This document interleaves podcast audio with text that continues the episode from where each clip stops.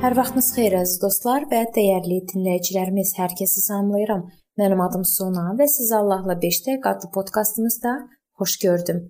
Bu gün biz ailə münasibətləri mövzusunu araşdırmağa davam edirik və keçən görüşdə biz ərin hakimiyyəti və evlilik vəzifələri mövzusuna toxunduq.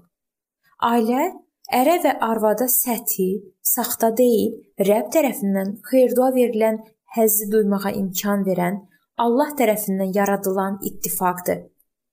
Emosiyalara söykənən ittifaq fiziki birlikdən yaxşıdır. Ər-arvad bir-birinin emosiyalarını bölüşə və ya bölüşməyə bilərlər. Onlardan hər biri digəri üzərində hakimiyyətindən sui-istifadə və ya bu hakimiyyətdən öz yarını ruhlandırmaq və dəstəkləmək üçün istifadə edə bilər. Nigahtakı münasibətlər bir çox hallarda tam məxfi olduğundan bu hakimiyyətdən sui-istifadə hallarının sayı bircə Allaha məlumdur. Bir şey unutmayın ki, ər-arvad arasında münasibətlərə zərər vurmadan bu hakimiyyətdən sui-istifadə mümkün deyil. Məmnunluq duymayan qadın öz kədərini, məyus olan kişi isə öz problemini gizlədə bilmir. Əgər nigahınız sizə Allahın niyyətinə uyğun olaraq məmnunluq gətirmirsə, etibar etdiyiniz adama müraciət etsəniz, düzgün addım atmış olarsınız. Əlbəttə, məsləhət üçün dünyəvi psixoloqa və ya məsləhətçiyə müraciət etmək təhlükəsiz deyil. Məsləhət üçün kiməsə müraciət etmək barədə fikrə düşəndə əvvəlcə onun haqqında məlumat toplayın. Bu yolla səriştəli və mənəvi cəhətdən yetkin adam tapa bilərsiniz. 1-ci Korinfillərə 7:5-də yazılıb: Müvəqqəti olaraq razılıqla dua üçün vaxt ayırmaqdan savayı bir-birinizi ər-arvadlıq təminatından məhrum etməyin. Bundan sonra yenə də bir yerdə olun ki, nəfsinizə hakim olmadığınıza görə şeytan sizi sınağa çəkməsin. Məhrum etməyən əmri burada ər-arvadın bir-birinin bədəni üzərində hakimiyyət kontekstində istifadə edilir. Fiziki yaxınlıq nigahda ümumi birliyin ən güclü tərəflərindən biridir. Onun nigaha təsiri ucbatından ər-arvad bir-birini məhrum etməklə bu hakimiyyətdən sui-istifadə edə bilərlər. Məsələn, arvadının davranışından narazı olan ər qadınına lazımi diqqəti ayırmaya bilər və ya özünə qarşı hörmətsizlik edildiyini və ya əri olan şəxsin əslində onunla evlənməyə layiq olmayan kişi olduğunu düşünən arvad ərinə qarşı soyuqluq nümayiş etdirə bilər. Nəticədə qarşılıqlı münasibətlərdə onların Allahın planlaşdırdığı kimi yaşamalarına mane olan soyuqluq yaranır. Bu etiraf və tövbə baş verənədək davam edəcək. Belə olan halda qəzəblənərkən günah işlətməyin Günəş batmazdan əvvəl qəzəbinizi soyudun prinsipinə əməl edin.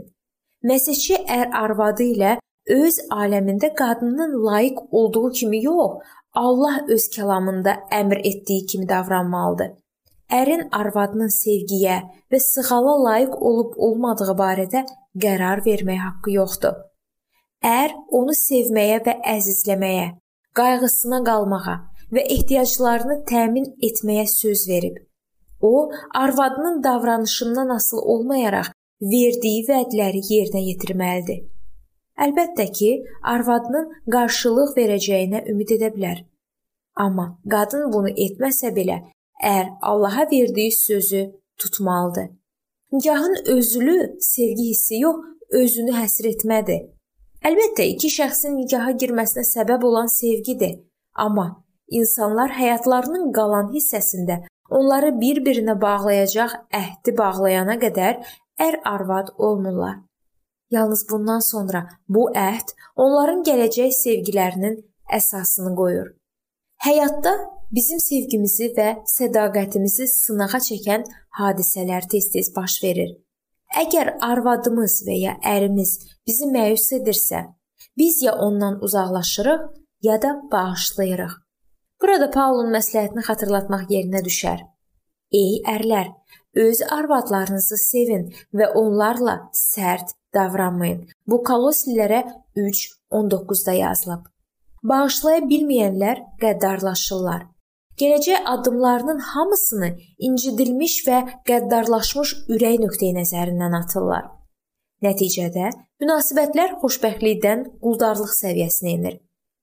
Əgər bu ər-arvad bir-birini bağışlama və sevgidən məhrum etməsəydilər, öz şəxsi münasibətlərində problem yaratmazdılar.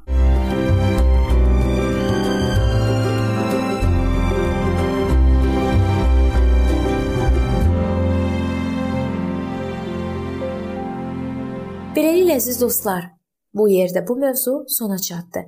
Hər zaman olduğu kimi sizi dəvət edirəm ki, bizim podkastlarımızı Facebook səhifəmizdən və YouTube kanalımızdan dinləməyə davam edəsiniz.